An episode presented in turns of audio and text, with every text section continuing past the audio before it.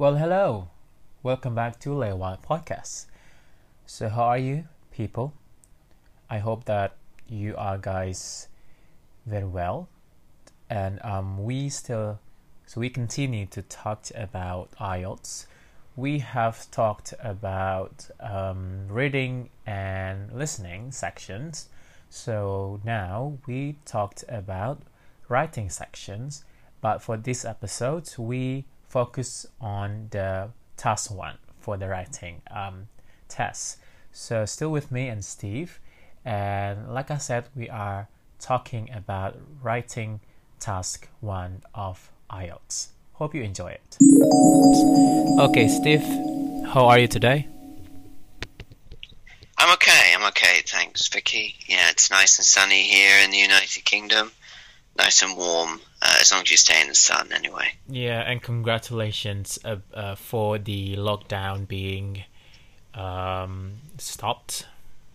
I mean, well, anyway, you you don't live in London anyway, so um, yeah, we have talked about um, reading and listening before, so now we are talking about reading, uh, writing sections of IELTS. So, will you please start to give us the strategies or tips and tricks about um, writing sections, please? Yeah, so I think writing task one is actually one of the more difficult, uh, probably more difficult uh, than writing task two. Uh, writing task two, we can often, especially if it's a topic that we know well, uh, we can normally write for writing task two pretty well. We, we, normally have ideas that we can put into it. We normally can come up with an argument. Um, writing task one can be very, very difficult. Uh, and I think there are a number of reasons. I think there is um, the difficulty can be in the just the way that things are phrased on the graph. Uh, I think it's a very good test of, of students' English, um, but also the fact that it, it is it is slightly mathematical and it, it does look daunting.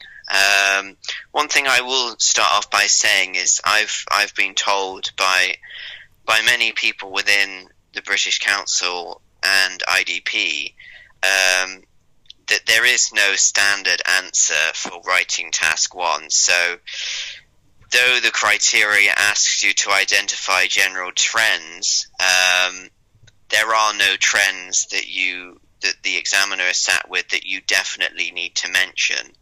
Um, obviously, the examiner will use their own judgment as to whether they are actually general trends, uh, but students should feel a little bit reassured that the student, the, the examiner isn't there with a checklist of of everything that they should mention as a trend from some of the charts, some of the tables, and any of the diagrams, really.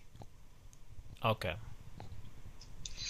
Um, so, I think um, it, it's best to start with with every time you you see writing task one, and today we're going to be referring to academic writing task what test one task one which yep. is on the uh, british council website so this is one of their example questions um, so i think it's it's it's always good to ask yourself two questions when you have a graph of some kind or a table um, is there time and are there different categories? So if there is time, you know you will talk about change. Mm-hmm. You know that at some point you will need to talk about change because you'll be talking about change over time. And if there are different categories, then you know that you will also be talking about difference. So already, um, we do recommend that students write around about four paragraphs that would be an introduction and overview, and two general paragraphs. Already, we can see with the academic writing test one, task one, we have two different bar charts. Um, one is purely about change over time, and the other is about change over time, but it's also between different groups of uh, people who've achieved different levels of education. So, a great structure for this in the exam would be an introduction overview, and then you would maybe talk about the change over time, and then in the last and final paragraph, you would talk about the the differences between the groups. So I thought this was a really good example to use. So those are the two questions you'll be asking yourself whenever you look at um, a writing task one test. And you must always make sure that you write at least 150 words. Um, I haven't had it guaranteed to me, but people I consistently talk to within the British Council have told me um, it, it, would be um, I wouldn't recommend writing any less. Uh, the the task does ask you to write at least 150 words, uh, and if you don't write 150 words, there is every chance that the British Council and the examiner might look into that and say, well, you didn't achieve the task. And if you didn't achieve the task, it is difficult to get anything higher than a band five. So make sure it is there. But to what um, to what extent can we write like the the numbers of the words? So it's at least 150, right? But is it is it uh, is it okay if we write like 250 words or 300 words? If you're writing 200, 250 words or 300 words, that's not good. It's okay. not good because you will be um, actively penalized by the examiner Ooh, because okay. of that. But you will be penalizing yourself because you're dedicating too much time to a task that only counts towards one third of all the marks. Right. Um, if you you're using too much time, remember the writing exam is an hour long, mm-hmm. so to um, one third obviously needs to be taken up by task one, and that should be no more than twenty minutes. Right. So you shouldn't be writing really any more than about 175 and maybe 200 words at a push. Okay. Um, because when you do, then you're starting to affect your the time that you have to complete task two, which is worth more. So just be mindful of that. Sure. Um, one of the great things, though, about writing task one is um, that it is so repetitive. It's it's almost always a diagram mm-hmm. uh, that you need to write about. Um, I have been told a number of times that um, the British Council is beginning to phase out some of the diagrams that involve um, process. Uh, so if you've studied IELTS for a long time, your teacher's probably given you some process diagrams, such as how something is made, or or nature is quite common. So um, the life cycle of, of a frog or, or a moth, something like that. Yeah. Um, they may still pop out, uh, pop in, and and, and uh, appear on the IELTS exam, but um, I've been told quite a few times now that the British Council is is gradually reducing the oh, number of, of, those kinds of diagrams. Well, uh, I'm not sure if it is because I think they're the easiest diagrams, which um, because all you need to do is is is have some degree of control over active and passive voice, and also use some of those connecting words for sequencing, and, and then you're you're pretty much set. So. I often wonder if perhaps that's why they are being phased out because I think uh, it is unfair on students if some students get a a straightforward process on, on how to make a brick, and another student gets a, a very complicated table on, um, I don't know, uh, numbers of cinema attendees uh, over a 50 year period in a city uh, in in Canada. Yeah. Um, so yeah, I uh, yeah, I'm not sure. I'm not sure. Uh, I personally from a, from an ease perspective, I don't think that's a good thing. From a fairness and equality perspective, it probably is. Right. Um, so the structure we're looking for then is is an introduction, um, an overview, and then uh, at least two paragraphs. You could maybe stretch to a third if you wanted to, Mhm. um, uh, but only if necessary, really. Um, your, your overview acts as a conclusion uh, because it is a summary, after all. Yep. Um, and we do need we do need an introduction. So the introduction is is straightforward. You you need to paraphrase the title of, of the graph. Um, so if we look at uh, if we look at this one right now, we've got uh, two two bar charts. First one is computer ownership, um, 2002 to 2010. Computer ownership by education level, 2002 and 2010. Um, so the graphs above give information about the computer ownership as a percentage of the population between 20, 2002 and 2010 and by level of education for the years 2002 and 2010. Um, so I've paraphrased that as the two bar charts. Um, so I've paraphrased graph with bar charts, Mhm. show. I've paraphrased give information with show. The percentage. Um, again, using it differently here. So percentage of a population um, that owned a computer.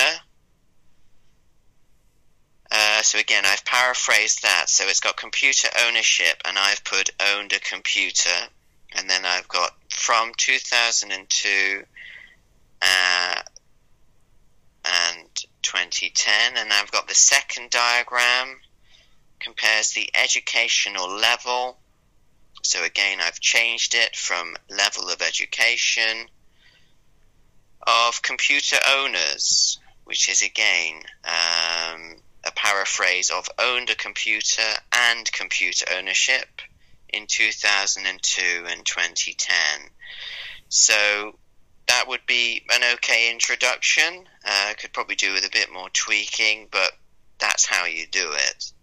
But um, how extreme can we paraphrase the title uh, for task one and task two? I mean, like I know we can do some. There are some ways in paraphrasing. Like for example, we can change from active to passive, and then we can change the arrangement of the the sentence, or you know just use the synonyms. But um, is it okay if for example the ability the ability of the students they they they only can do you know change the arrangements of the sentences will they get good mark for that Um, it would it would depend how good they were at changing the arrangement. Um, if it, if it was flawless, if it had gone active to passive or vice versa, um, then you know I see no problem. But even when making an active to passive change, you are also making word changes as well. Um, so it is it is difficult. Uh, it, it is a very very good test, writing task one, of students' understanding Mm. of English because if they don't fully understand the graphs and what's being asked, um, then then they often do very badly uh, because they completely miss the mark.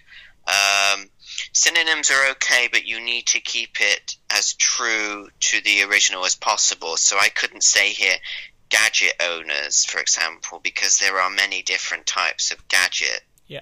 Um, I couldn't say IT owner because IT could can mean so many things. Um, I also can't say, which is what I touch on later, um, is I can't say the graph shows the number of computers um, because it doesn't show that at all. It shows the number of computer owners, really. right Um, so you have to be quite careful with synonyms as well. Um, so yeah, that's uh, you, you have to be careful. You have to be careful. Keep it safe, but if you copy word for word um, from the the exam itself, they will not be counted in your words. right in your word count. So that's also a way that you can get caught out by writing less Mm. than uh, than you should. Uh, it's difficult. It's it's a difficult part. Like I said, if the task two suits you well, it can be the most difficult part of the writing exam. Right. Um, so let's look at the overview. So we're just picking two very obvious um, trends. Um, there should be at least more than one, um, but also you know, two, three, or four. You know, four is probably the maximum that I would go. Um, rules for overview is no detail. Uh, I don't want any numbers. Uh, I don't want any specifics. Um, those specifics you will put in the following paragraphs. Uh, but for the overview, it is just literally um, what can you see? Somebody told me a, a good way of thinking about this is imagine that you have the graph in front of you and your friend um, rings you up and they say to you something like, Well, I've only got 20 seconds. Uh, could you just tell me what the graph actually shows? Um, now, you wouldn't spend those 20 seconds talking about individual uh, growth or decrease or increase or something like that. You would just say, well, um, actually, computer ownership grew um, th- throughout the entire period. Um, and it seems that the higher your education level, um, the more likely you are to to have a computer, um, and that's true across for 2002 and 2010. Uh, and then that would be it. Right. Um, it, it's literally like you're having a conversation with a friend, and your friend says, "Look, you've got 20 seconds. Please tell me basically what the graph shows." Um, if, if as sometimes happens, you've got a very um, you've got part of the graph, a part of the numbers or the data is very um, doesn't follow the pattern, shall we say? It's very off the scale or something like that. So imagine that all the other lines are going up and then this one line is just going down. Um, if you get what we would call kind of an anomaly like that, I wouldn't be putting that in the overview either because it is an anomaly. It isn't a trend. Uh, by all means, you can talk about that anomaly, and I probably would recommend that you mention it briefly in your discussion paragraphs. But uh, it, I, I wouldn't be putting that in my overview section because that's not a trend. That's that's an irregular, anomalous result. Um, so I've got here an overview again. It was it's, it's very quickly put together. So overall, the percentage of the population owning a computer gradually grew over time. So notice the word here gradually. Uh, if we look at the bar chart, it is gradual, and this is where you will be caught out as well. This might cap you around the band six, is if you're just throwing in adverbs because they represent an increase, uh, but they're not representing an increase at the speed that the graph shows. So it did gradually grow. Um, it certainly didn't dramatically grow. Mm-hmm. So if you were going to put dramatically uh, the the percentage of the population owning a computer dramatically grew, um, that's not true at all um, because we can see it only grows up by by about um, I think it's about here but five to ten percentage points every two years. Uh, that's not a dramatic increase. Um, so yeah, be mindful of the adverbs that you use. Okay. And then uh, you you said the keywords for all overview paragraph, which is overall. So, guys, that's very important keywords to start the overview paragraphs, right? Yeah, you need to make it very clear that, hello, Mr. Examiner, this is my overview. Yeah. If you don't have an overview, you will not achieve anything more than a band 5. Yeah. And overall is one of those words that just just shouts out, here is my overview. Yeah. Um, so yeah, I've got here gradually grew over time. It can also be seen uh, that the proportion of owners increased. Um, so here I'm giving away to the examiner that I actually know some syn- synonyms for for grow. hmm So uh, when numbers go up, uh, I can use go up. Uh, I can use to grow. I can use to increase. I'm showing the examiner that I know all these different words to describe um, an increase in in in a, in a data set. Um, so yeah, that's that's what I would say about the overview. Uh, I have a Um, questions actually. Um, so there are two types of data that we might see uh, on the the graph. Um, we can have the static data, and we can also have the dynamic data.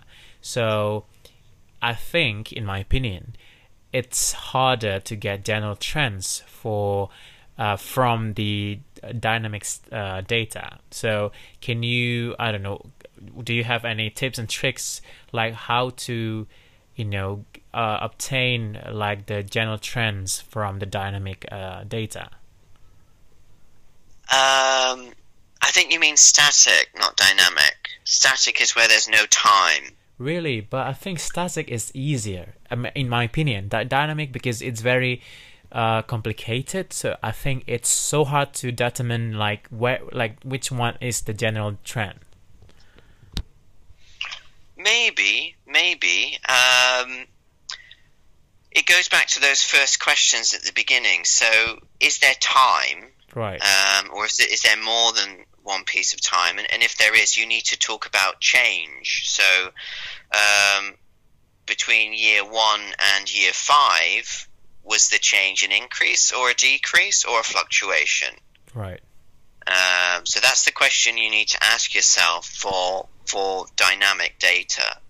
Um, and I think if you take a long long look at it, um, you can maybe see that there was either a decrease or an increase, and then maybe look a little bit in detail about what kind of increase, what kind of decrease was that?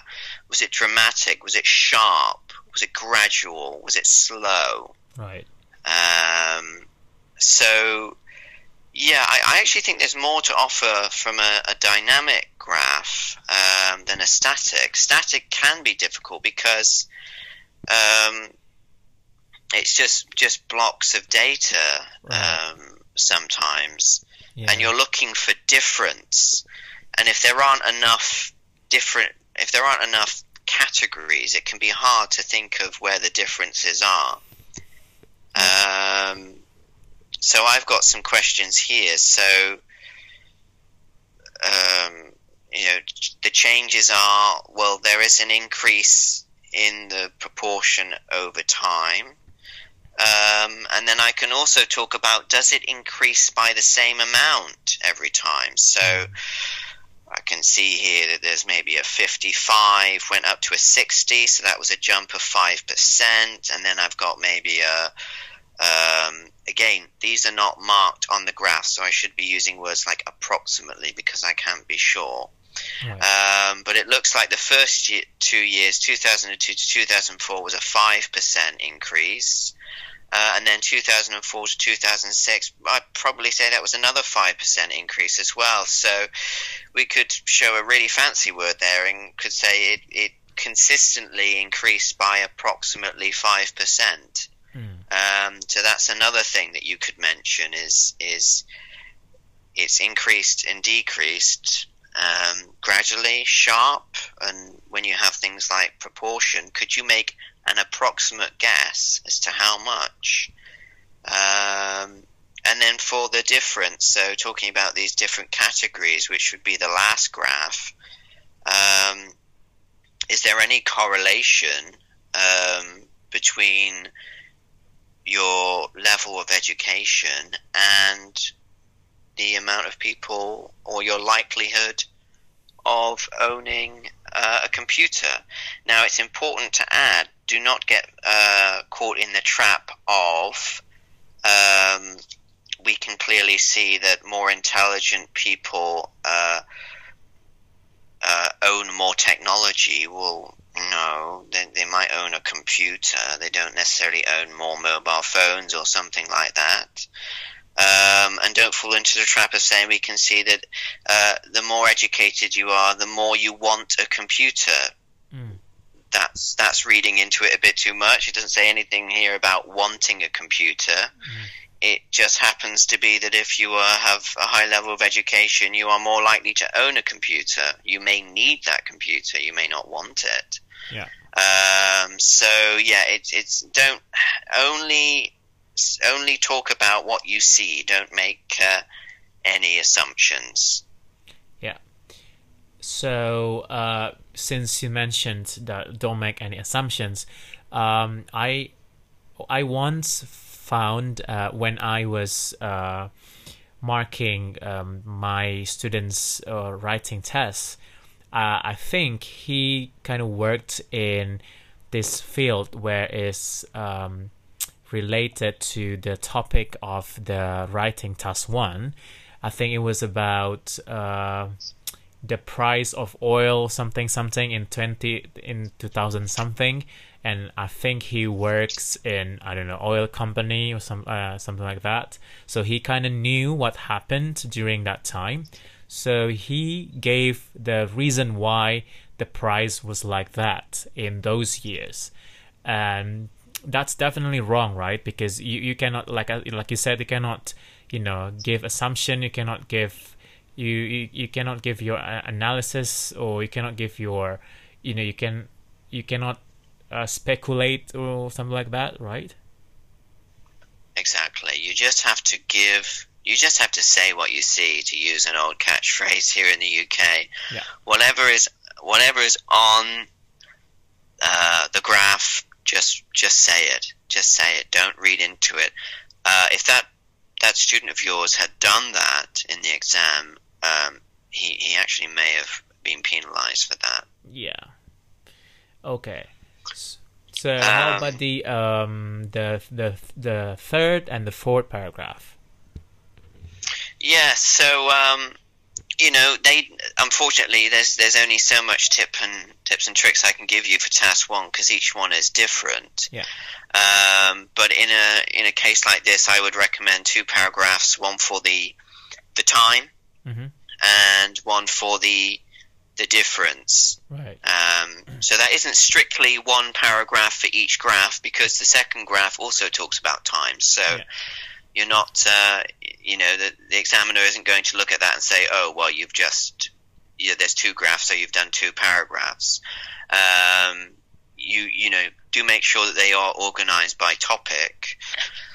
Um, and again, just be very careful with the language that you use. Um, so yeah, I, I just want to go back to the uh, some common mistakes. So the overview, um, some teachers say that you should uh, look at the the what happens at the the first and then what happens at the last. Is it, is it a decrease or an increase?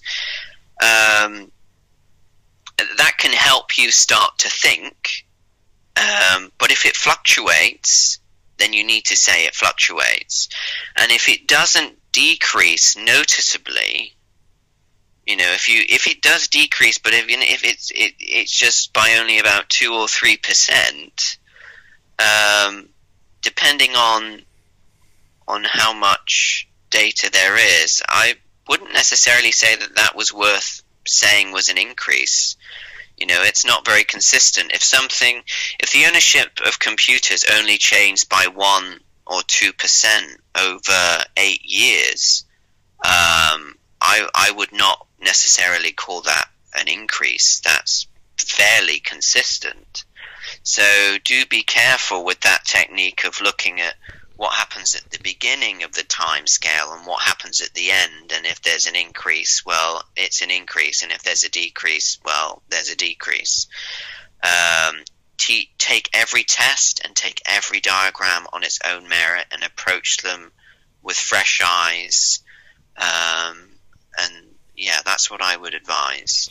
Okay. Um, just referring to the body and, and all para parts of the task one, please make sure the subject or the measure, measurement is right. Mm. I see this all the time. Um, write it down, double check it if you have to. Um, it just shows you don't understand the English and you will just be penalized and you won't do very well. Um, and it will completely mess with your, your paraphrasing as well. So I can see many of my students getting this particular task wrong. Mm. Uh, I can see many of them referring to it as computers rather than owners. Mm. Um, and that's just messes with everything because if you do read it in that way and you're paraphrasing the introduction, uh, well, you're going to get it wrong. Uh, if you do do it that way and then you write your overview, um, well, that's going to be wrong. Uh, and then if you do read it that way and then you continue to write the rest of your test, the remaining two paragraphs, well, you're going to get that wrong as well. Uh, so your statistics can be as accurate as as possible, but if you didn't get the subject right, then I'm afraid it's going to be difficult for the examiner to give you much. Right. Um, so yeah, like I said earlier, the graph shows the number of computers wrong. Mm. It shows the percentage of computer ownership. Okay. So that's how many people are owning a computer. Um, and then finally, my last common mistake was don't spend too long. Mm. Um, it doesn't make up the majority of the marks in writing task two. Um, give yourself 20 minutes. Make sure you have the overview and introduction and some discussion. And then, you know, have some self discipline and move on. Writing test two is the priority. Right. And um, are there any special vocabularies? And also, how about the tenses? Yeah, so tenses, again, you'd have to take each test uh, on its own merit. Um, what I would ask students to do is think about well, is it set in the past? Make sure I'm using the past tense. Is it connected to the present? Maybe past perfect is good. Um, is it predicting or projecting uh, in the future? So just listen to those verbs I've just said there to predict and to project. So if it is in the future, those are pretty good verbs that you could use. Um, and again, talking about that change and that difference, make sure that the adverbs are right. Is it really dramatic or is it just gradual? Is it really an increase in the grand scheme of things or is it consistent? Um, so, you know, those are the kind of things you need to think about. Like I've just said there, the paraphrasing of increase is always good. Grow, increase, um, shot up. Again, that has a slightly different meaning. Make sure you use it in the right way. Yeah. Um, that's what I would have to say about vocabulary. How about the linking words? Yeah, so linking words are are difficult to to add to task one. Really, um, if there was uh, data that was wildly different, um, then you could get away with using contrast words. So, however, on the other hand, um, so if we were perhaps comparing computer ownership with um, radio ownership, which we could probably guess would decline over this period, um, we we would perhaps say, you know, computer ownership has gradually increased over time. However, uh, radio, uh, the number of people who own a radio, ha- the percentage of people who've owned a radio has declined over the same period. Those are the only occasions, really, when you can be using those transition words. Um, process diagrams are great for them. It's just a case of slotting in first, second, then after that, finally. um, which I think makes them so easy. Um, but for writing task one, it's a little bit harder to to be using those transition words unless um, the situation, a perfect situation, comes up. Really. Right. And do we have, do we always have to write complex and compound sentences? So there should always be a mixture of simple and and complex sentences. Okay. Uh, you you will be penalised if you have too many complex sentences that it makes reading difficult. Right. Um, so Okay. I, I I do encourage students in the beginning of any any of the teaching that I do to continue to write relative clauses. hmm Um, but that's because relative clauses are not um, necessarily sentences that that non-native speakers think of using. Um, but then as time goes on, I, I have to tell the students, right, okay, well, you know now that you can and confidently do use relative clauses. It's time to regain that balance between simple and complex Right. and we now need to think about not writing everything in a relative clause because that is very difficult for the reader. Yeah. Uh, so it's all about balance. It's it's it's it's all about balance. Okay. And uh, one thing uh, from me, so guys, do not write conclusion for task one, right, Steve? Yeah, like I, I think I mentioned in the beginning. Yeah, your your your your overview is is your conclusion. Yeah. You know, it's a, it's a summary of what we see. So that that is your conclusion. Yeah. So it's not like task two where you have to write conclusion in the in the last paragraph. So, but for task one, you do not need to do that. And okay, Sure. Con- calling it a conclusion as well in task one runs the risk of people reading and analyzing the data beyond what they see Yeah. as well. If somebody says to conclude, I would then maybe expect them wrongly Mm. to maybe make a comment like, uh, "It's clear that if the the, the smarter you are, um, the more likely you are to go out and buy a computer." okay, Um, you know that kind of thing. No. okay, Um, so yeah, stay away from conclusion. If it keeps you awake at night, just be reassured that the overview acts like a conclusion. yeah. Okay, is there any more, or will you sum up what you have just shared? Yep. So keep it to the structure, introduction, overview. Make sure it's there. If it's not, it's it's not going to be anything more than a band five. Um, ask yourself: Is there time? Yep. Let's talk about change. Are there different categories? Let's talk about difference.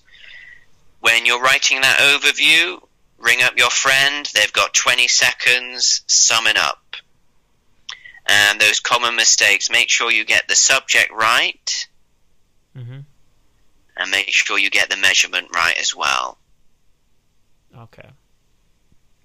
All right, so that's it uh, for this episode about writing task one.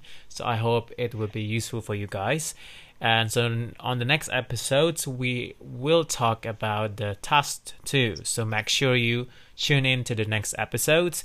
And so yeah, thank you so much for attention. And before we are we sign off, I just I'd like to remind you again to follow my Instagram to get updated information about this podcast. It's at Vicky Fianda. It's V I C K Y F I A N D A. So thank you once again. I hope it's uh, useful for you, and do not forget tune in to the next episode about writing task two. So see you on the next episode, you guys, and bye bye. Thank you so much.